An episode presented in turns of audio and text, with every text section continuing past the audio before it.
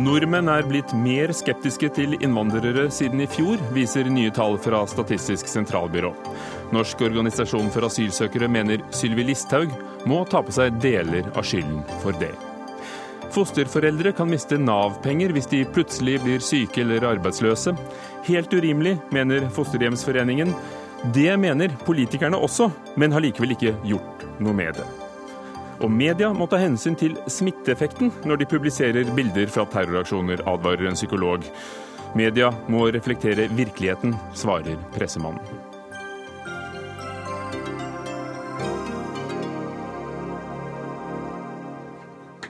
Og i hele Europa jakter politiet på den mistenkte etter terrorangrepet i Berlin. Vi skal også til den tyske hovedstaden i løpet av dagens sending. Velkommen til Dagsnytt 18 med Hugo Fermariello på årets korteste dag. Nordmenn er mer skeptiske til innvandring enn i fjor. Nå mener hver tredje nordmann at det bør bli vanskeligere for flyktninger og asylsøkere å komme til landet, og det er fire prosentpoeng flere enn i fjor. 32% av befolkningen mener at innvandrere flest gjør Norge mindre trygt, og det er en økning på 6 prosentpoeng fra i fjor. Dette viser nye tall fra en årlig rapport Statistisk sentralbyrå lager om holdninger til innvandring. Vidar Brein-Karlsen, statssekretær for innvandrings- og integreringsministeren. Hva forteller tallene deg? Hvordan tolker du disse prosentpoengene? Jeg tolker det som at eh, det ble ganske mye uro og utrygghet i befolkninga etter den store tilstrømmingen vi hadde i fjor høst. Vi skal huske på at Det var over 2000 asylsøkere som kom Eh, i uka på det aller meste. Og, og, eh, Det var mange som kom til Europa. og Jeg skjønner hvis eh, folk blir litt mer utrygge av det. Derfor var det viktig at vi satte i gang med innstramminga av politikken, som nå har gjort at vi har mange færre asylsøkere og har god kontroll på, på situasjonen. Og da også har lagt mye bedre til rette for integrering av de som kommer. Ann Margrethe Austenå, generalsekretær i NOAS, Norsk organisasjon for asylsøkere. Hva er din holdning til, eh, til rapporten? Nei, Jeg syns jo det er trist, fordi jeg opplever ikke at uh, de synspunktene er reflektert i det som er faktiske situasjonen. Altså Hovedtyngden av innvandring er jo for det første arbeidsinnvandrere, og så er det familiegjenforente. Så det er jo folk som bidrar positivt inn i økonomien, og det er folk som sørger for at familier blir, blir gjenforent og, og, og samla. Og så er det selvfølgelig riktig som Brein Karlsen sier, at det er de store ankomstene som kom da i løpet av veldig kort tid, i fjor høst, de skapte eh, mye. Men både positivt engasjement, men også engstelse og uro. Men det har jo blitt håndtert veldig bra. Så det jeg har savnet, er jo en større fokusering på alt som tross alt går bra. Og hvor bra rundt omkring i kommuner folk takler situasjonen, og hvor godt samarbeid det er mellom, mellom kommunene, frivillighet og asylsøkere selv. For det er jo det, Vida Brein-Karlsen, at, at, de fleste innvandrere kommer pga. arbeid, og, og de kommer fra andre europeiske land først, først og fremst? Ja, det, det, er helt korrekt. Og så er det mindre eh, på en måte synlig eh, i, i, mediebildet og sånne ting. og Derfor er det kanskje ikke det eh, folk flest forbinder med, med innvandring til Norge, og ser heller den, den andre sida som går på, på asylinnvandring, flyktninger og den type ting. Når det er sagt, så er jeg helt enig jeg også med, med Østenå i at vi, vi, må også få frem det med, med, integrering, hva som skjer i, ute i kommunene. og Når vi finner gode eksempler, så må vi få de frem i lyset. Det er jeg veldig, veldig opptatt av. Så, men samtidig så er jeg også opptatt av at vi, tar, vi lytter til folk. Vi tar de på alvor når, de, når noen opp, opplever større uro knytta til, til innvandringa hit. Men, men da, da, er det jo et forskjell på det å lytte til folks uro, og så svare på den uroen med tiltak som viser at uh, man uh, sørger for at det er ikke noen grunn til uro, eller man uh, har forslag til hvordan man kan håndtere en situasjon slik at det ikke skal oppstå grunn til uro. For, for dette er jo veldig ja, få forskjeller, unnskyld at jeg avbryter, ja. men det er jo veldig, veldig, små statistiske forskjeller vi, vi ser. Kan du, kan du, gi Sylvi Listhaug skylden for en sånne marginale endringer? company Jo, men jeg tror det er den lille endringen som er eh, kontrær, da, eller står i motsetning til det som har vært hovedendringen de siste årene. Den kommer jo som en konsekvens, tror jeg, av at det kom mange i fjor. Og så har det fra myndighetenes side utelukkende vært eh, en fokusering på utfordringer, problemer, tru, trussel mot velferdsstaten, eh, og ikke på langt nær den samme retorikken eller det samme engasjementet i forhold til at nå driver vi en bosetting, en saksbehandling, en integrering som faktisk går bra. Nører det opp under de aspektene av innvandring som gjør folk urolige?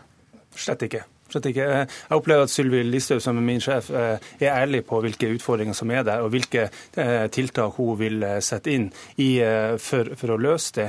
Og, og vi fokuserer mye på, på, integrering. Altså Det er rekord i bosetting i år, f.eks.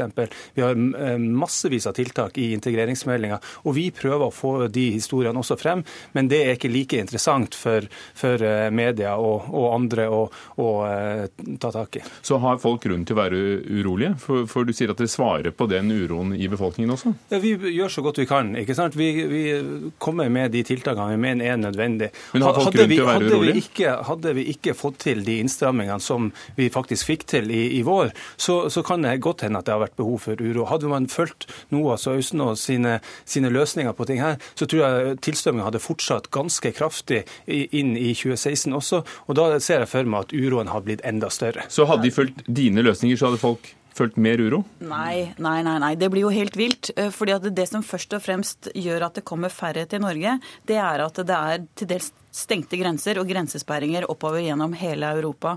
Norge ligger geografisk slik til at vi nå i denne situasjonen får en veldig liten del av det samlede antallet eh, asylsøkere og flyktninger som kommer til Europa. Og Hovedstrømmen av de som faktisk kommer nå, de kommer over Middelhavet. Og det er grupper som tradisjonelt ikke søker mot Norge. Det er mange fransktalende, det er folk som i større grad er arbeidsinnvandrere økonomiske migranter, og som ikke historisk har søkt til Norge i utgangspunktet. Så det å drive en retorikk om at det at vi vil ha større rettssikkerhet for de som faktisk er her, og behandlingen av dem, at det ville føre til en større tilstrømming når det er grensesperringer og helt andre forhold som er avgjørende, det blir tull. Og siden 2007, altså nesten de siste ti årene, så, så viser det seg at folk mener det bør bli lettere å få asyl nå enn for ni år siden. Ja, altså det, det, har vært en trend, og så ser vi at den trenden har snudd i, i år. da, ikke sant? Og Det, det, det viser jo at, at, det er en viss uro knytta til mener jeg da, det som skjedde i, i fjor høst, og at folk ser at, at eh, hvis, man, hvis, man, har en for, eh, for, lite stram politikk, da, for å si det sånn, så kan det gå utover øvrige deler av, av eh, samfunnet vårt. ikke sant? Og, og det gjør at, at man eh, blir mindre eh, skulle du si noe? Ja, for jeg skulle si at Skepsisen var jo enda større for eh, ti år siden. Totalt sett så er vi mindre skeptiske i dag enn for ti år siden, på, på, på tross av den lille økningen i fjor. Ja, det, nei, men det var jo nettopp det som var poenget mitt. Det kom en økning fra i fjor til i år eh, i den skepsisen, og det må vi ta på alvor. Men det er forskjell på det å skyve folks frykt foran seg som begrunnelse for ytterligere tilstramminger når det nesten ikke kommer noen, og det å svare på folks frykt med beroligende at se, vi har dette under kontroll, dette er folk som nå bosettes, som integreres, som kommer i informasjonsprogram, som introduksjonsprogram, som kommer i arbeid. Eh, det er det jeg etterlyser fra Sylvi Listhaug. Men i stedet så fortsetter, fortsetter hun og fortsetter hun å snakke om at det er grunn for ytterligere innstramminger, at dette truer vår velferd, eh, at vi må stille krav og sånne ting. Men kan det være at det faktisk ikke rapporteres nok om, på tross av det som gjøres for integrering? At vi ikke bare hører nok om det? Jo, men det, jeg tror det er helt riktig at uh, verken statsråden eller mediene uh, på nasjonalt nivå forteller om det bra som skjer ute i kommunene, for der skjer det veldig mye bra. Lokalmediene rapporterer om det og forteller historiene, men i den nasjonale diskursen så kommer det veldig lite fram. Jan Paul Brekke, forsker ved Institutt for samfunnsforskning, og du ser spesielt nettopp på alt som har med immigrasjon og, og folk som flytter på seg og bosetter seg i andre land. Når du ser eh, på statistikken fra SSB som kom i dag, og, det er mange eh, momenter vi ikke har tatt opp her, og den har gått over eh, snart 20 år, hva slår deg? Det, det, slår meg at eh, den, den, den grunnleggende eh, positive holdningen eh, blant nordmenn har stått ved og styrket seg gjennom denne perioden. Så Det kan være eh, litt overraskende når man følger med i media, hvor det ofte blåser mer enn det gjør hos folket. Eh, og eh, vi har sett det f.eks. ble det målt i den norske befolkningen holdningen til flyktninger og innvandrere gjennom selve den, de månedene hvor det kom flest, altså høsten 2015. Eh, og selv da så sto det ganske bra, den hjelpeviljen. Den ble liksom stående solid igjennom, selv om man fikk inntrykk i media at først ville alle hjelpe og liksom ha døren helt åpen, og så ville ingen hjelpe noen, og alt ville bare, døren skulle være lukket, grensen lukket. Sånn at eh, Folk er liksom litt sånn is i magen og tåler, eh, tåler den belastningen det var eh, med de eh, ankomstene som var i fjor. Og så er det selvfølgelig, Disse holdningene har jo med politikken som føres å gjøre, hvordan det snakkes om det, og også forholdene på bakken. Så når det kommer få, men om man snakker eh, tøft om det, og man har en ganske stram politikk, så, så, man, så reflekteres det også i tallene. Så Derfor er det vanskelig å tolke sånne tall som, går, så, som har såpass mange hendelser fra et målepunkt til et annet. Så, så hvor mye betyr det da når vi sier at, uh, at det er 4 prosent flere i år som uh, mener at det bør bli vanskeligere for flyktninger og asylsøkere å, å komme hit? Er, det, er det en betydningsfull forskjell? Ja, altså det kommer an på, Sånne tall kan man, man kan se på den forskjellige måter. En måte er å si at det, er en liten økning der, og så snakke om ankomsten i fjor og høye tall på at det kom 31 000 eh, i, til Norge i fjor, og at, eh, at det da har påvirket folk eh, holdninger i noen flere da som er negative. En annen måte å si det på er at den, det er to tredjedeler av nordmenn mener at ankomstene av flyktninger og asylsøkere skal være som i dag, eller at det skal bli lettere å få komme til landet og få opphold her. Sånn at det er, eh, så det kommer litt an på, det er litt sånn hvilken vei man ser det der, hva som skal være forgrunn og bakgrunn. Men det er hovedinnstillingen til nordmenn er positive til innvandring. Det man er bekymret for, er eh, integrering og økende uh, motsetninger i samfunnet. De, de, to forholdene er nordmenn bekymret for. Og da særlig sånn med henblikk på fremtiden, hvordan skal dette bli. Så da er det hele tiden viktig at man følger opp og, og skal vi si, at det er en kontinuerlig diskusjon i samfunnet, både med forskning, men også med politikere og, og andre fagfolk, NGO-er osv. om akkurat det. Hvordan er det egentlig dette fungerer, og hvordan skal vi få til det best mulig når folk først har kommet. Snakker vi når det gjelder de aspektene, og, og, frykten først og fremst om nettopp asylsøkere eh, og, og, folk som kommer eh, fra lenger unna Europa. fordi Når vi sier at 13% av befolkningen er innvandrere, så inkluderer det Polen, Tyskland, eh, USA. Mm. Ja, altså det er, det, er, det er, litt vanskelig. Jeg tror ikke folk holder det sånn innmari fra hverandre til daglig. Men ofte så dreier debatten seg om asylsøkere og flyktninger.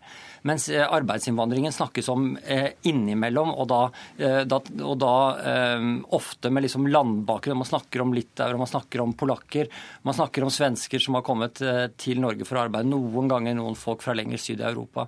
Men, men mye av samtalene rundt dette går på flukt og asyl, og mindre på andre typer innvandring, nemlig arbeidsinnvandring, studenter som kommer, eller familieinnvandring, som av og til nevnes, men som, som ofte liksom overdøves av debatt debatten og støyen på flyktning- og asylfeltet. Fordi at det er synlig, fordi det er andre sider ved det, som konfliktløsning. Det er eh, dramatisk på grensene til Europa osv. Så, videre. så det, jeg tenkte Et poeng som ikke har kommet frem her, er jo at at denne, hvis man skal, si, skal tolke det motsatt, tenke at hvordan er det mulig at nordmenn er såpass positive til å ta imot folk, til tross for alt det som har skjedd, så, så tror jeg den eh, konflikten i Syria bidro til å synliggjøre behovene. Så nordmenn ser behovene nå, og så er man samtidig liksom opptatt av at det skal være kontroll på feltet, men man ser behovene.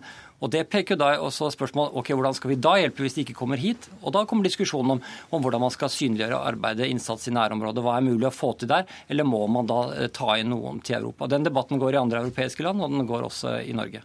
Enda et tall. Eh, I 2003 svarte 55% at det burde bli vanskeligere å få opphold som asylsøkere, eh, mot 33 i dag. Hva har skjedd i mellomtiden? Fra, fra ditt synspunkt, eh, Anne Margrethe Austen? Det er andre grupper som kommer hit nå. Og nettopp som Jan Paul var, var, inne på, så er det jo den største gruppen de siste årene er fra Syria. Og ingen er i tvil om behovet for beskyttelse for mennesker som flykter ut av Syria. Eh, så for, I 2003 så var eh, en stor gruppe fra Balkan, land hvor verken myndigheter eller mange av oss andre mente at det var grunnlag for beskyttelse, annet enn i helt individuelle, spesielle saker. Eh, og da hadde du en mye høyere avslagsprosent. Nå kommer det grupper fra Afghanistan, fra Irak, fra Syria, og alle steder er det krig og konflikt, men særlig syrerne er jo ingen i tvil om trenger beskyttelse. Fører vi en annen asylpolitikk i dag? Fører dere en annen asylpolitikk enn det Norge gjorde i 2003? Den er jo blitt stramma til eh, det siste året, eh, ganske betydelig. og og, eh, og, Det mener jeg har vært nødvendig for å, å få det som Jan Paul Brekke var inne på, kontroll på, på hvor mange det er som, eh, som, kommer. Og Ved å gjøre sånne grep så tror jeg vi klarer å holde tilliten til den politikken som føres i hele befolkninga, og på den måten også klar og kan tilby de som trenger beskyttelse, først og fremst fra Syria, sånn som det er nå, at de kan få beskyttelse også fremover. Men du har ikke tillit til den politikken? Deler av politikken har jeg tillit til, og jeg skulle jo ønske at de var tydeligere på alt som er bra innenfor integreringsfeltet, og at statsråden som er ansvarlig for integrering, var stoltere av å snakke om akkurat det. Men noe av det kom frem her i dag, takket være dere. Ann Margrethe Austenå, generalsekretær i NOAS, Vidar Brein Karlsen, statssekretær, og Jan Per Brekke, forsker ved Institutt for samfunnsforskning. Dagsnytt 18 alle hverdager kl 18.00 på NRK P2 og NRK2.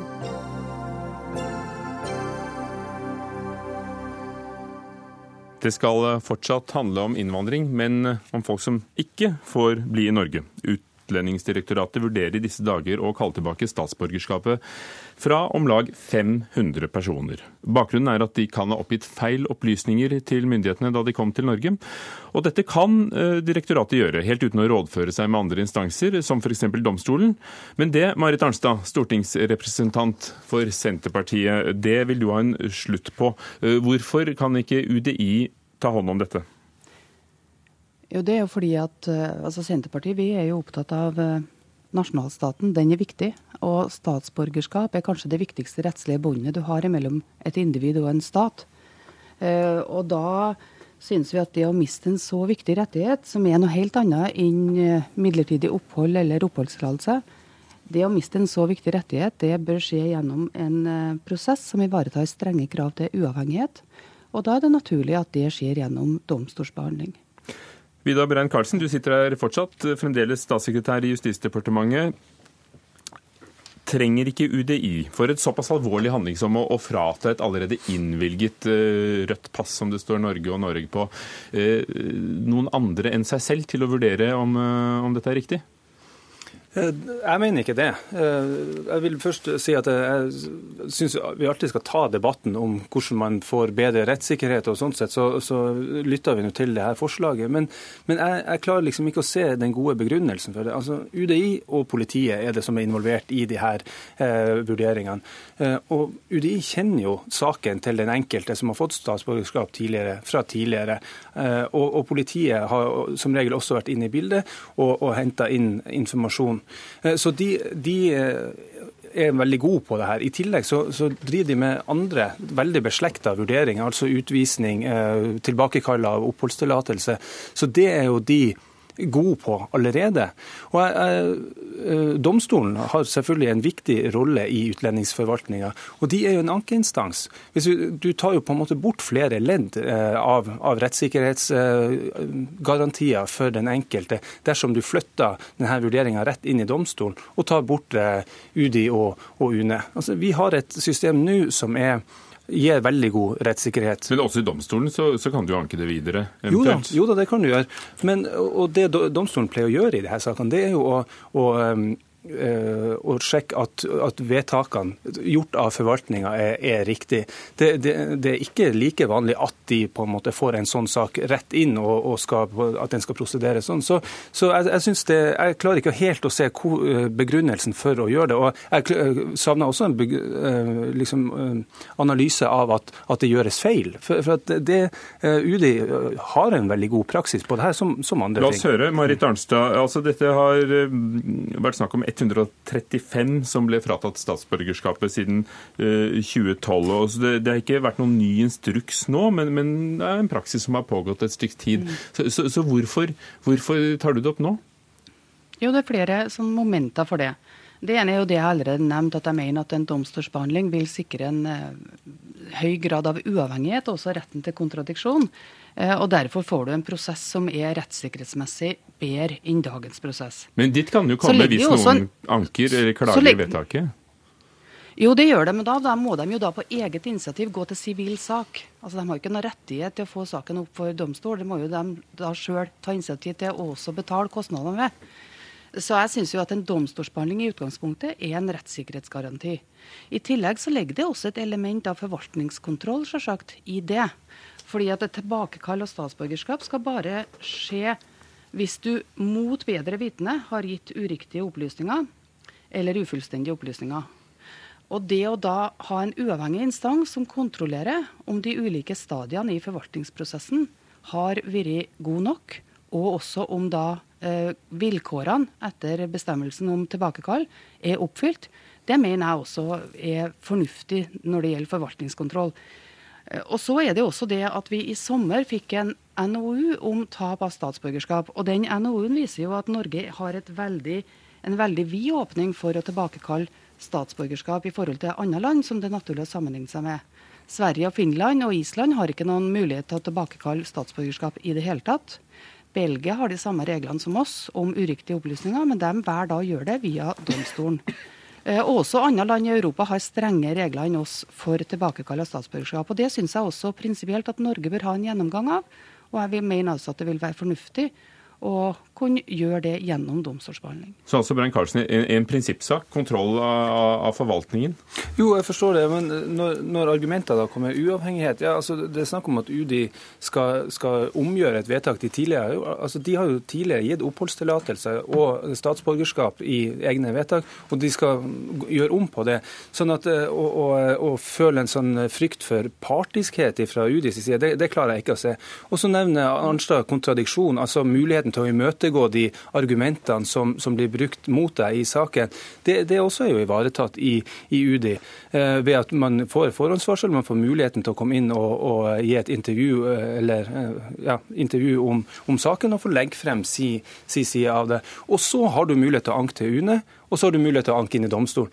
Sånn at Jeg klarer eh, fortsatt ikke å se at eh, den helt gode begrunnelsen eh, Og så må jeg få legge til at, at vi har en vid åpning, for det, det, er jo ikke sant. Arnstad var jo inne på det i sted. Altså det, det, må jo til at, at du bevisst har, har forleda norske myndigheter til å, å, å gi deg oppholdstillatelse og statsborgerskap på, på feile premisser. Og, og såpass vi må nå i hvert fall adgangen til å trekke tilbake statsborgerskap statsborgerskap hver, tenker jeg. Arnstad, det, er, det er kanskje vi som har rett, og ikke, ikke Sverige eller Belgia? Jo, men dette forslaget handler jo ikke om innholdet i kravet til tilbakekallelse, altså det materielle innholdet. Altså Det har ikke vi tatt opp i vårt Dokument 8-forslag. Vi har kun konsentrert oss om prosessen. Måten det foregår, hvem det er som skal vurdere de om de vilkårene er oppfylt. Og der må jeg jo si at Det bygger ikke på frukt, det bygger på en prinsipiell eh, vurdering av hva som vil være best rettssikkerhetsmessig, og også når det gjelder forvaltningskontroll. Og, og, jeg må jo si at Med den omstendelige klagemuligheten som, eller, som, finnes i dag, så er det jo nesten sånn at en domstolsløsning antagelig vil være et enklere system å håndtere, og kanskje også da et bedre og mer uavhengig system. Så, så det virker jo, unnskyld har... Arnstad, det virker som du, mm. du tenker prinsipielt, men, men, har du grunn til å betvile uh, UDIs håndtering av sakene som har vært hittil?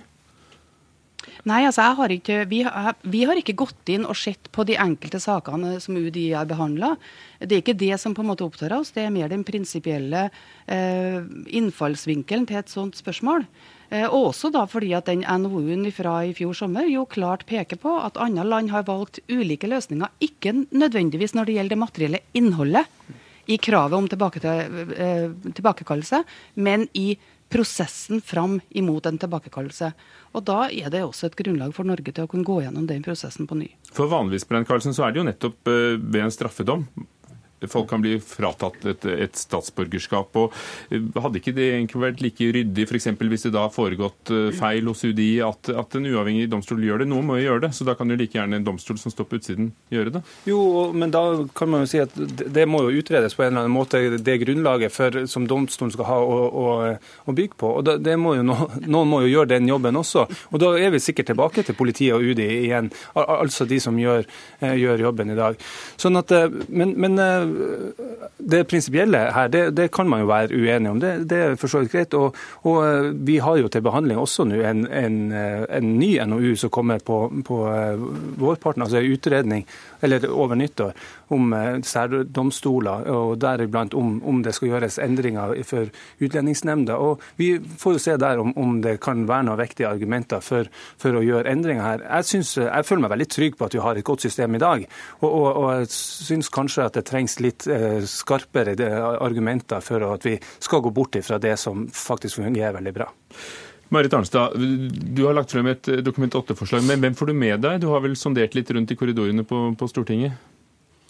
Ja, altså Nå er det jo Senterpartiet og SV og Arbeiderpartiet som kommer til å stå bak det her forslaget når det legges fram.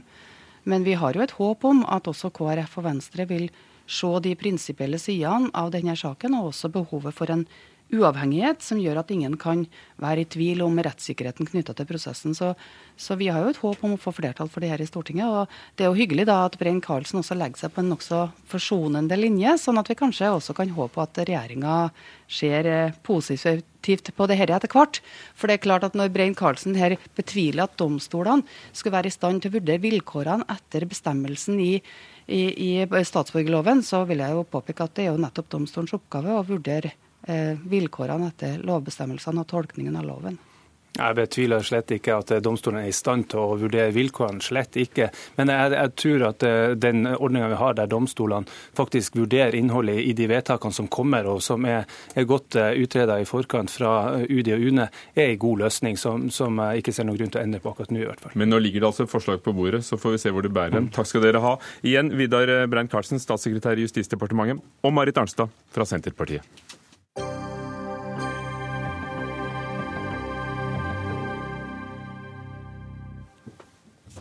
I Tyskland fortsetter jakten på den eller de som sto bak terrorangrepet i Berlin på mandag. Siste nytt er at politiet har sendt ut en etterlysning etter en tunisisk mann i 20-årene, Anis Amri. Mannen er kjent for politiet i Tyskland og har brukt, brukt opptil tolv forskjellige identiteter. Olav Døvik, reporter i Berlin. Her kommer det jo meldinger hele tiden. Hva er det siste nytt om ø, jakten på gjerningsmannen? Ja, Det siste er jo som du sier at eh, politiet har gått ut med en eh, offentlig etterlysning etter denne 24 år gamle tunisieren, som har blitt omtalt i tyske medier eh, i hele dag. De har skrevet at han har vært mistenkt og etterlyst for denne massakren. Nå lover også tyske myndigheter en dusør på 100 000 euro, eller rundt 900 000 kroner, for opplysninger som kan føre til pågripelse av ham. Men hva har ledet dem på sporet av ham? Fordi Først så, så arresterte de jo en mistenkt som viste seg å ikke være innblandet i det hele tatt. Ja, det skal ifølge tyske medier ha blitt funnet uh, identifikasjonspapirer, uh, eller noe i hvert fall som kunne identifisere han uh, under setet i denne lastebilen som da ble kjørt gjennom dette julemarkedet. og Det skal være grunnen til at han da kom i søkelyset. Olav Døvik, du, du, befinner deg jo i, i, i, Berlin, og det er kanskje nesten unødvendig å spørre om, men, men hvordan merker du eh, etterdønningene av, av det som skjedde mandag?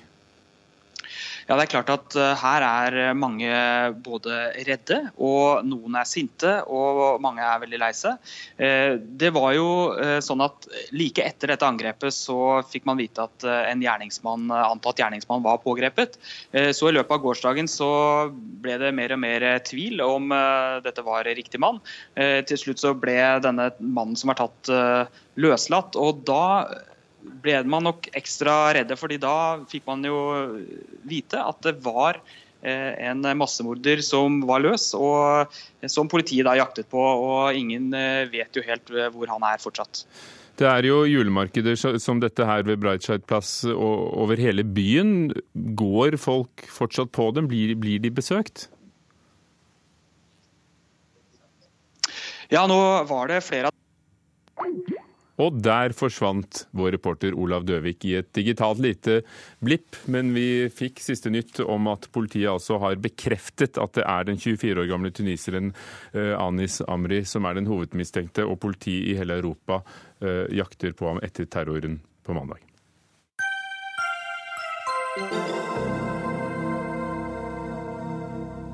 Fosterforeldre som mottar eh, fosterhjemsstøtte fra kommuner, står i fare for å miste Nav-støtten hvis de plutselig skulle bli syke, uføre eller miste jobben. En helt urimelig belastning, mener Fosterhjemsforeningen, som nå krever en ny ordning. Og Tove Wahlstrøm, generalsekretær i Norsk Fosterhjemsforening. Det er ganske komplisert regelverk, men jeg er sikker på at du kan forklare oss til, på en litt enkel og lettfattelig måte. I dag får altså fosterforeldre en støtte fra kommunen for, for å påta seg eh, denne jobben. Men hva kan skje hvis, hvis, man da mister jobben eller blir syk og er avhengig av støtte fra Nav? Uh, først og fremst så uh, er det én, det er riktig, det er en fosterhjemsgodtgjørelse de får for det oppdraget de gjør. Men dersom de blir syke eller permitterte eller uføre fra ordinært arbeid, så vil det, og de blir så, uh, avhengig av en Nav-godtgjørelse, så kommer fosterhjemsgodtgjørelsen til fratrekk for disse trygdeytelsene.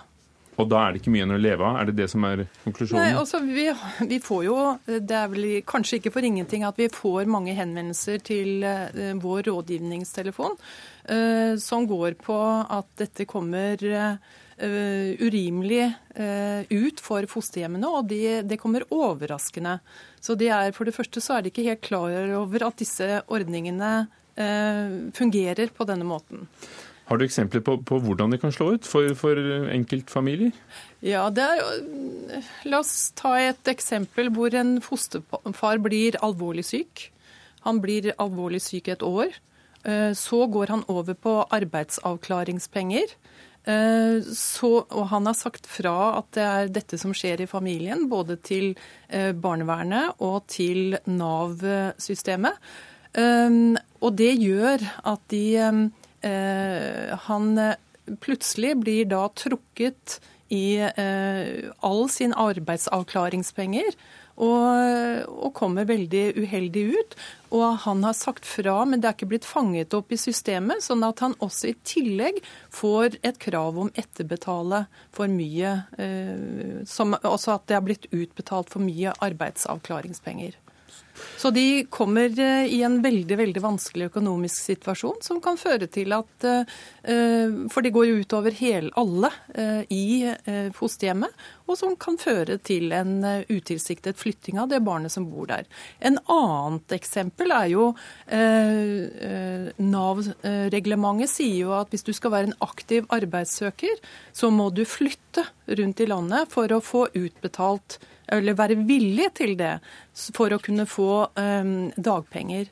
Um, Hva skjer ja. med barnet som nei, er i fosterhjemmet? Nei, Det er forventet enten at det flytter ut, eller at fosterhjemmet flytter til den landsdelen som kan tilby arbeid. Tas det altså ikke hensyn til disse tilfellene hvor noen har ansvar for et fosterbarn? Det er et veldig strikt regelverk som følges, og det er det vi har bedt om i veldig mange år nå.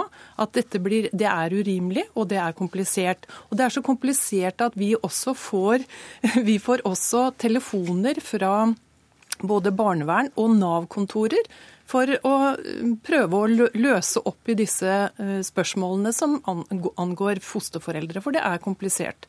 Og det er ikke så rart at fosterforeldre kommer i en situasjon hvor de eh, plutselig kan få et etterkrav på, på, at de ikke har meldt inn eller skrevet på rett skjema eller lignende. Og det gjelder mange, sier du? Ja, det er mange. Det, vi får fire, eh, ca. 400 henvendelser i året. og mellom 10 og 40 gjelder økonomi og eh, Nav-ordninger. Nav La oss høre med politikerne. Bengt Morten Venstøv, du er medlem av arbeids- og sosialkomiteen fra Høyre.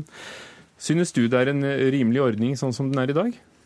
Nå er det jo slik at uh, Regjeringen har jo tatt uh, fosterhjem og uh, fosterhjems situasjon på alvor i den forstand at man har lagt fram en fosterhjemsmelding også. Men du, men du får begynne der. Det var et ja- og nei-spørsmål, faktisk? Ja, Et ja- og nei-spørsmål er at det virker urimelig dersom man havner i situasjonen man ikke kan ivareta omsorgen for barnet. Det synes jeg er også alvorlig. Mm. Men dere har vært klar over dette i over ti år, eh, politikere, fordi bl.a. Norsk Fosterhjemsforening har, har uh, tatt det opp. Men hvorfor har det ikke skjedd noe, tror du? Jeg tror ikke alle politikere på Stortinget er kjent med den situasjonen her. Det tror jeg ikke. Og jeg tror det var viktig å samle kunnskapen om hvordan fosterhjem og fosterhjems vilkår er i Norge. Og det er grunnen til at man gjorde det man gjorde også. Og man må jo også si at eh, mange fosterhjem eh, har det OK i den situasjonen de er, og har en, eh, en arbeidssituasjon, en avklart livssituasjon som, som, gjør at barn har det veldig OK i, fosterhjem. Men, men, men dette man, handler altså om, om de gangene det, det, ikke er i orden fordi, fordi noen mister jobben eller blir syke? Ja, og Da syns jeg vi skal ta de signalene på alvor og faktisk se på det, og se hvordan det slår ut. og vurdere hva som skjer med de fosterhjemmene som, eh, som, har den utfordringen der. Det er klart at Hvis eh, et fosterhjem eh, er i en situasjon der en av foreldrene blir alvorlig syk, så er det klart at det også påvirker situasjonen til, til, det barnet som er i fosterhjem. Og Vi har jo lagt alt lovverket i Norge i grunn til at barnets beste skal gjelde, og det gjelder jo selvfølgelig her også. Da er det klart at Har ikke foreldrene OK, så er det klart at det kan påvirke barna. Karin Andersen, andre nestleder i kommunal- og forvaltningskomiteen fra SV. Nå sitter du altså i, kommunalkomiteen, men i åtte år så satt du som leder og nestleder i arbeids- og sosialkomiteen da, da vi hadde rød-grønn regjering. Eh, hva foretok dere dere? Nei, Dette temaet var oppe flere ganger, men vi klarte ikke å få til et flertall for å løse det. Men det er jo helt urimelig at fosterforeldre kommer dårligere ut enn andre. For det er jo det som er eh, faktum her. Det er jo, eh, dette er jo en ytelse de får, eller en godtgjøring de får for å være fosterforeldre. Det er, jo ikke en, det er jo ikke en lønn, men den blir behandla som om det var en lønn hvis du blir syk eller arbeidsledig. Ikke sant, for det går til fratrekk, som vi ble forklart. Men, men, men Karin Andersen? Det er, helt, det er helt urimelig. Og det som er det aller alvorligste her, er jo ikke bare det at uh, det å ha syke foreldre eller fosterforeldre kan selvfølgelig påvirke barna, men det verste er jo hvis de har et trygt hjem, endelig liksom har kommet til ro. Og så kommer fosterforeldre i en sånn økonomisk situasjon at de kanskje må si at dette går ikke lenger. Eh, fordi de da ikke har, eh, får noen ytelser som de kan klare å leve på. Og Det er jo det, dere sier, Karin Andersen, det, det, er jo det dere sier alle sammen. og Du brukte ordene, jeg noterte, helt urimelig. Men når dere har visst om, har, derfor, derfor, må jeg spørre deg igjen. Når dere har visst om det så lenge, og du, du har også sittet i komité Hvis jeg kan bare snakke ferdig. Du har sittet i komiteen i åtte år, og alle er enige om det. Og, og det da kan tydeligvis ikke stå på pengene. Hvorfor har det ikke skjedd noe? Nei, Det er et eh, godt spørsmål. Jeg sier det har ikke vært mulig å få politisk flertall for dette før sier jeg. Mm. Og da, det er det jeg sier, og Derfor så jobber jeg nå med et representantforslag som skal legges fram eh, over jul. Som, som eh, skal behandles i Stortinget da. Fordi dette Nå har det jo også behovet for fosterhjem økt veldig. Vi har hatt en stor satsing på barnevernet. Flere barn får hjelp. Flere trenger fosterhjem. Og Da er vi nødt til å ha stabile, gode forhold, sånn at man ikke risikerer at eh, foreldre blir altså må gå fra hus og hjem for å, fordi de er fosterforeldre, eller at unger da må flytte kanskje en ekstra gang, eller flytte rundt i landet, sånn som eksempelet her var. Da må det være barnas beste, sånn som Venstre sier. Så jeg håper jo inderlig at vi nå kan enes om å gjøre noe med dette. Du får unnskylde hvis ikke jeg fikk med det du sa om å, å, at dere ikke fikk politisk eh, flertall, men vi, vi skjerper ørene alle mann, for det er en ganske dårlig telefonlinje her. Bengt Morten eh, Venstøp eh, fra Høyre, altså i, i arbeids- og sosialkomiteen nå. Betyr det at uh, Karin Andersen kan regne med din og Høyres og regjeringens støtte til, til, dette representantforslaget? Fordi dere skriver jo i regjeringserklæringen at dere skal styrke støtteapparatet rundt fosterfamiliene. Styrke støtteapparatet gjør vi, og jeg tror det er litt viktig at uh, vi bare ikke henger opp oss i én ting her. Det vi har gjort, er at vi ønsker å se gjennom hele uh, fosterhjemsordningen og se på alle sider ved det. og det er jo flere ting med fosterhjemsordningen som også er diskutert, bl.a. partsrettighet for fosterforeldre. Så det er jo det er jo flere ting her, men jeg må si Men, men nå var det denne vi snakket om denne gangen? Ja, Det kan ikke jeg avgjøre før det ligger et representantskapsforslag på bordet. Men det jeg syns er viktig, er at hvis man er i en situasjon der man må flytte fosterbarnet ut av hjemmet pga. Eh, fosterforeldres situasjon, så syns jeg det er utrolig alvorlig. Eh, fordi at eh, det vil skape veldig ustabilitet for de barna eventuelt det må gjelde. Og jeg syns det er veldig pussig handler i en sånn situasjon. Det kom en stortingsmelding om fosterhjem i, i, i våres, den første av sitt stemmer, slag. Stemmer. Og Henrik, der sto det noe nytt om, om denne ordningen. Er det, er det redselen for at det skal koste mer enn det gjør i dag? Nei, Jeg tror ikke nødvendigvis det er redselen for at det kan koste mer enn det gjør i dag, men jeg tror eh, fosterforeldre er forskjellige og er i forskjellige situasjoner. og En fosterhjemsmelding er nok eh, et grunnleggende dokument for å se fosterhjemsordningen i, eh, i, en helhet for eh, de fleste. Og så er det unntak eh, der man havner i vanskelige situasjoner. Det er klart at Hvis man havner i situasjoner der man både mister arbeid og blir syke, så er det klart at vi må ta det på alvor og se hva, hva vi kan gjøre med det. Ganske enkelt fordi at det kan destabilisere den omsorgssituasjonen som det fosterbarnet er i. Karin Andersen, ja. det er jo sånn som skjer med folk. ikke sant? Det skjer med alle av og til. At man både blir sjuk, og av og til så mister folk jobben også. Så dette er jo ikke noe unntak. Det er ikke noe spesielt med disse menneskene når dette skjer. Det er sånn som kan skje andre, og derfor så må en ha ordninger som eh, kan være trygge når, når, det rammer. For det er jo nettopp det som vi andre har. Og, og der må jeg avbryte deg. Karin Andersen, fordi vi er, eh, og si takk til dere to politikere. For jeg har lyst til å avrunde med nettopp eh, deg, Tove Wallstrøm fra Fosterhjemsforeningen. Du har hørt diskusjonen, og du kjenner realitetene. Du sier det skjer, som vi hørte Karin Andersen si, med, med flere hundre uh, familier i året. Gir, det, gir det deg forhåpninger? Dette her har pågått i veldig veldig mange år. og Det er, det er foreløpig bare ord. Eh, og vi ønsker en handling fordi at vi til og med eh, altså Det er laget to rapporter om økonomi til denne stortingsmeldingen. Både fra eh, Barne-, og ungdom- og familiedirektoratet og KS. Og Begge konkluderer med at fosterhjemsgodtgjørelsen er en særlig ordning, og som må, må behandles særskilt. Vi ber om unntak, fordi vi vet at alle andre blir, eh, blir også trukket i der, der, det er annen inntekt. Men nå er de frilansere som fosterforeldre, og det er det som er problemer. Kan det gjøre at folk uh, vegrer seg for å, å, si ja til å bli fosterforeldre? Her vil vi kanskje eh, se at vi mister nåværende fosterforeldre, og det vil kunne gå utover nå, rekruttering av nye. Vi prøvde å få med både Barne- og likestillingsdepartementet og Arbeids- og sosialdepartementet. Eh, de, ingen av dem kunne stille, men vi fikk følgende melding fra arbeids- og sosialministeren eh, og barne- og likestillingsministeren. De skriver at de vil da begge ta initiativ til et møte med Fosterforeldreforeningen, altså dere, Fosterhjemsforeningen, for å diskutere saken nærmere. Hva blir din klare beskjed da? Nei, Vi ber om unntak, at det er en særlig ordning. Det med fosterhjem. Det kan ikke kreve at de skal flytte rundt i landet da de har påtatt seg det viktigste eh, oppdraget som er. Takk skal dere ha, alle sammen. Tove Wahlstrøm, generalsekretær i Norsk Fosterhjemsforening, Karin Andersen fra SV og Bengt Morten Venstøb fra Høyre. Hør Dagsnytt 18 når du vil. Radio NRK Radio.nrk.no.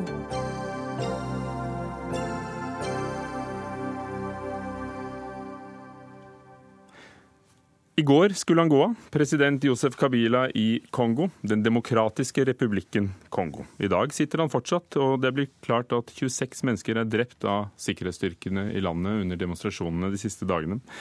Randi Solhjell, forsker ved Politihøgskolen, men du holdt eh, nylig foredraget 'Kongo for eh, dummies'. Hvorfor krever opposisjonen at Kabila skal eh, gå av? Faktisk i går var dagen. Takk for det. Det står Grunnloven, da, som er ganske ny i Kongo, den, den, sier at det skal være valg hvert femte år. Og en president kan ikke sitte mer enn to perioder.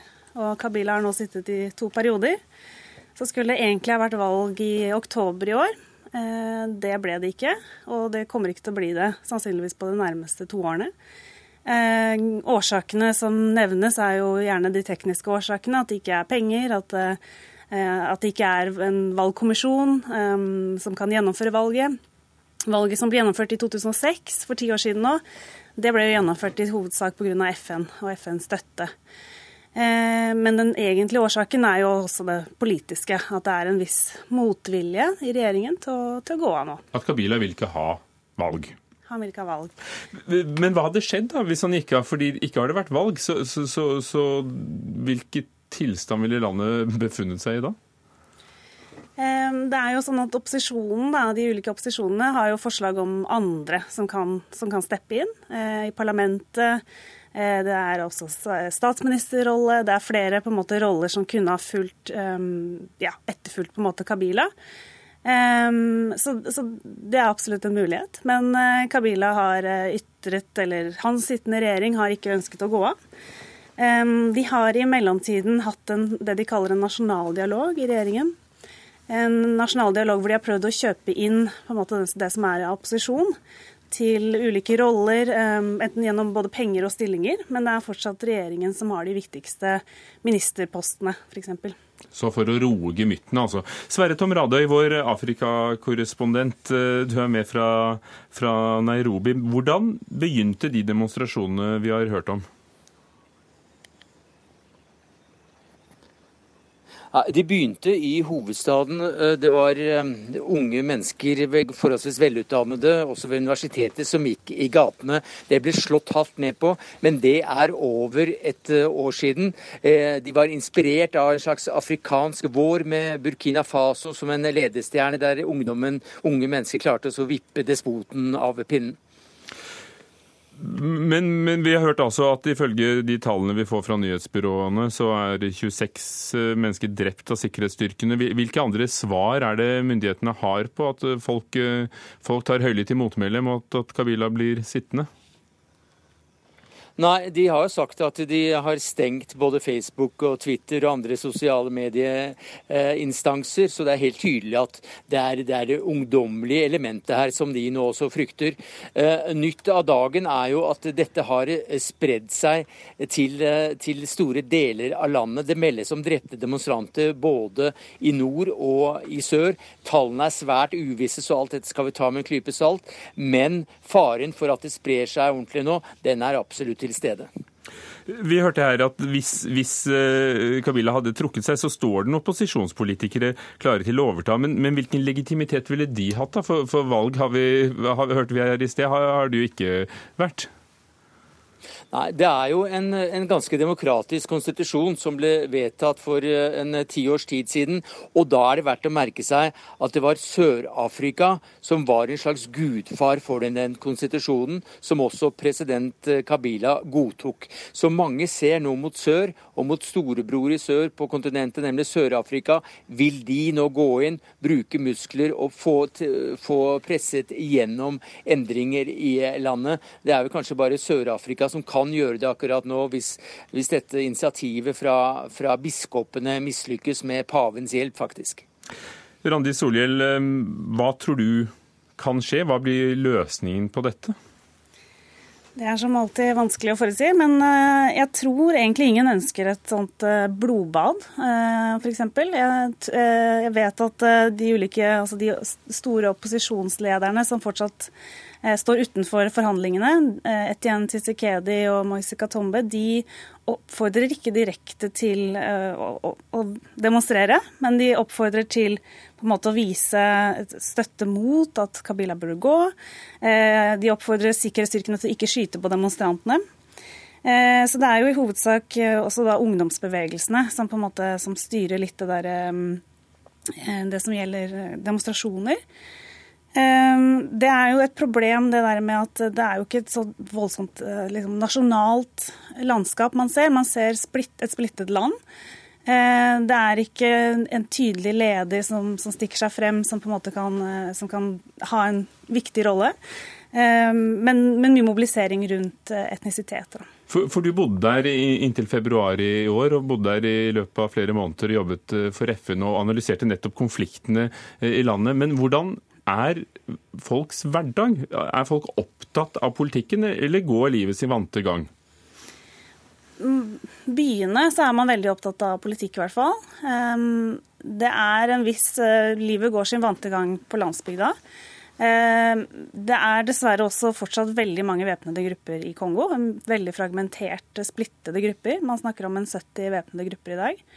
Tre av dem ganske eller relativt alvorlige. Det er, økonomien er vanskelig. Og man skulle gjerne ha sett Jeg tror mange også har en viss motstand mot Kabila mange steder i landet. Men så er det også noen kongolesere som kynisk uttaler at ja, men det kan jo like greit være han som sitter, fordi han, eh, tar, eh, han jo, tar jo sin del av kaka og, og, spiser seg inn i økonomien. Men hvis vi får en ny en, så kanskje han vil ha enda en større del av økonomien sin familie. til sin familie. Så. For Sverre er Tom Radøy. Josef Kabila, sønnen sønn av Laurent Kabila. Hvordan, hvordan styrer han egentlig landet? Nei, Det var en meningsmåling som eh, ble offentliggjort for ikke så lenge siden, som bl.a. universitetet University of New York har, har, stått bak. Og Den viser at 80% av befolkningen gjerne vil ha ham fjernet. Og Så får, får, man ta slike meningsmålinger i slike land for akkurat det det er verdt. Men det grusomme bakteppet her, det er jo de store krigene i Kongo for ikke så lenge siden, der millioner ble drept, millioner ble drevet på flukt. Eh, hæren fra åtte åtte ulike sentralafrikanske land var involvert i et blodbad Afrika nesten ikke har sett maken til. Det er det som er det stygge bakteppet, og hvorfor mange nå faktisk holder pusten og håper at det skal gå over, da med initiativ av den katolske kirken, som ser ut som de har et, et visst momentum, i alle fall med, med paven i ryggen her. Randi Solhjell, det er jo litt av et land, eh, Kongo. Eh, Joseph Conrad skrev 'Mørkets hjerte', eh, legendarisk Afrikabok fra Kongo. Det var kong Leopold av Belgias private lekegrind, preget av tortur og utnyttelse. Frigjort i 1960, ble til Zaire en stund, og nå er det altså Den demokratiske republikken Kongo. Hvor mye demokrati tør du håpe på? Mm. Jeg føler jo eh, at det er et svært lite demokratisk land. Eh, det er Én ting er at det er svært få, eller det har vært ett nasjonalt valg egentlig, i løpet av hele landets historie. I 2006, da, som var et relativt eh, ja, godt valg. 2011-valget var ikke spesielt godt, så på det nivået også så er det begrenset. Det er ikke et lukket regime. Det er ikke sånn at folk ikke får lov til å si ifra. Men det er også sånn at sier du høyt nok ifra, så blir du arrestert. Og det er også sånn at sikkerhetsstyrker bruker veldig alvorlig makt mot sine egne. Som vi altså har sett de siste dagene, hvis de sier fra for høyt eller stenger sosiale medier, som vi også hørte. Takk skal dere ha, Sverre Tom Radøy, vår Afrikakorrespondent, og Randi Solhjell, forsker ved Politihøgskolen.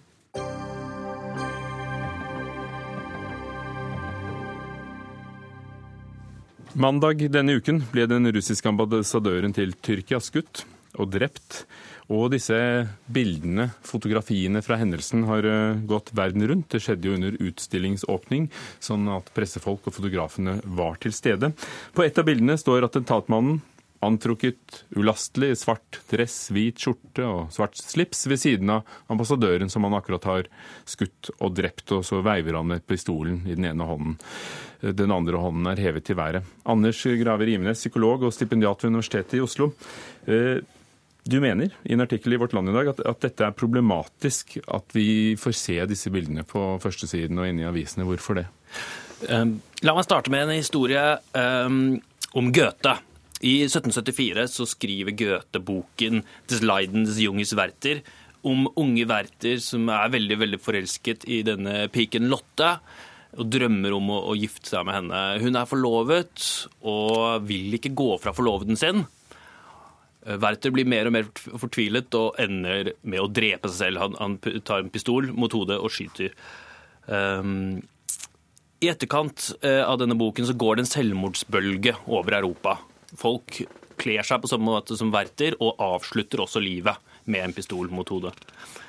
Um, David Phillips, sosiolog, eh, introduserte da verterbegrepet eh, i sin bok fra 1974, hvor han beskriver hvordan selvmord, eh, både reelle og fiktive selvmord i media, påvirker oss vanlige mennesker til å replisere den type handlinger. Og Dette er jo også årsaken til at eh, i Norge er media veldig forsiktig i sin omtale av, av, selvmord. Jeg vet ikke om vi skal spore direkte tilbake til den unge Werthers lidelser, men her gjelder det en nyhetshendelse eh, for åpent kamera. I, i et av de mest betente eh, konfliktene eh, for tiden. Hvordan mener du at eh, media skulle håndtert det? Ja, altså jeg vil ikke si så mye om hvordan media burde håndtert det. Eh, det jeg skal frem til er at Den samme Werther-effekten ser vi også i denne type hendelser ved massedrap.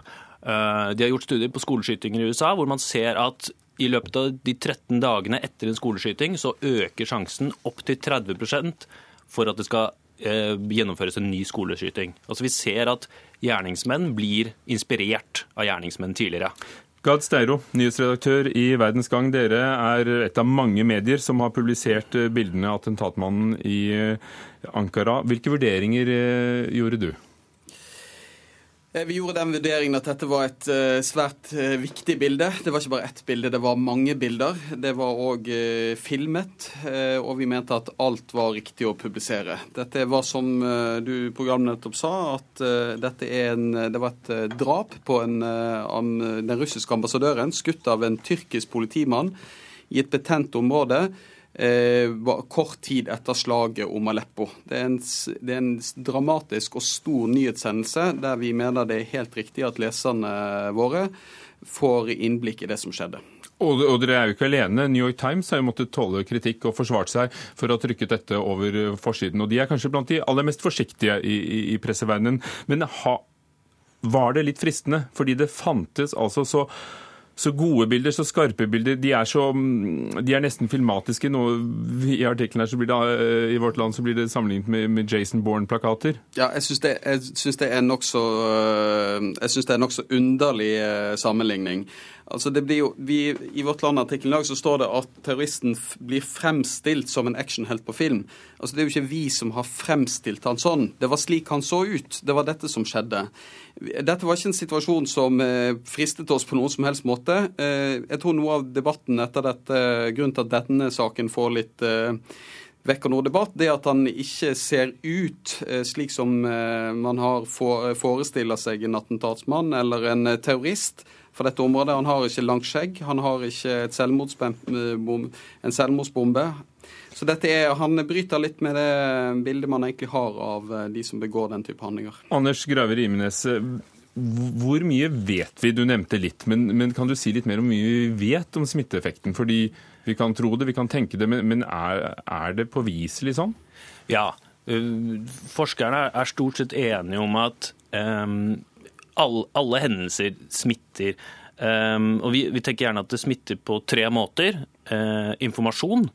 Altså Vi ser at noen begår en, um, en, handling og blir informert om hvordan denne handlingen foregår. Uh, bare denne lastebilmassakren i Tyskland kan vi godt tenke oss at han så lastebilmassakren i NIS og, tenkte, og skjønte at dette var en, en, effektiv måte å gjennomføre en terrorhandling på. Eh, tenker vi at Det også handler om inspirasjon. De blir inspirert og ser medieoppmerksomheten denne, denne mannen får. Tenker at dette er noe jeg også ønsker eller vil, vil få til. Og vi tenker at tilhørighet er viktig. Og her er det jo sånn, Garstero, at Når det gjelder selvmord, så er jo uh, norsk presse veldig klar over problemstillingen, og, og, blant de aller mest forsiktige i verden. Hvorfor ikke da også f.eks. når det gjelder omtalen av, av terrorrådere? For, for, for det er jo ikke noe tvil om at terrorister ønsker publisitet. Nei. Eh, nå har når mange eh, av de organisasjonene som driver med terrorisme, egne kanaler og kommer greit ut med informasjon uten eh, hjelp av VG. Men du kan ikke sammenligne et selvmord begått av en person i Norge med disse, terror, disse terroranslagene og attentatene. Altså, da må vi må spørre hva er alternativet? Skal mediene ikke rapportere om dette? Skal vi ikke vise bilder av det som skjer? Og, og, og det, mener jeg er veldig, det mener jeg er en veldig farlig vei å gå. Altså, det vi ser er at i Syria, i Tyrkia, så er det en kamp om sannheten nå. Jeg tror at hvis de etablerte massemediene lar være å bruke disse bildene eh, av, for å være skånsomme, en velment skånsomhet, så tror jeg det er farlig. For jeg tror det eh, lager grobunn for konspirasjoner. Det svekker tilliten til medier, og det gjør at man det blir usikkert hva som er sant i disse sakene. Skulle de latt være? For de ville kommet ut på sosiale medier uansett i disse dager? Ja, jeg tenker at Steirås poenger er helt ut valide. Eh, og jeg tror at vi... Men skulle de latt være? Jeg, jeg tror ikke vi som forskere skal si så mye om hva folk burde og ikke burde. Jeg tror vi skal fortelle hvordan verden ser ut. Hvilke, eh, hvilke kausalforhold som finnes der ute. Mener Så- du at Goethe ikke skulle gitt ut den unge Werthers lidelser for å unngå en potensiell selvmordsbølge? Ja, det vil jeg ikke Jeg skal ikke ha noe mening om dette. Eh, Jeg skal kun informere. Og så skal folk som Steiro eh, sette seg ned og, og finne ut hva, hva ønsker vi Hva tror vi er lurt. Den tanken får vi alle ha med oss i dag etter Dagsnytt 18. Takk skal dere ha, begge to. Gard Steiro, nyhetsredaktør i VG, og Anders Graver Rimnes, psykolog og stipendiat ved Universitetet i Oslo. Fredrik Lauritzen var ansvarlig for eh, sendingen. Frode Thorshaug, teknisk ansvarlig. Ugo Fermariello, programleder. Takk for i dag.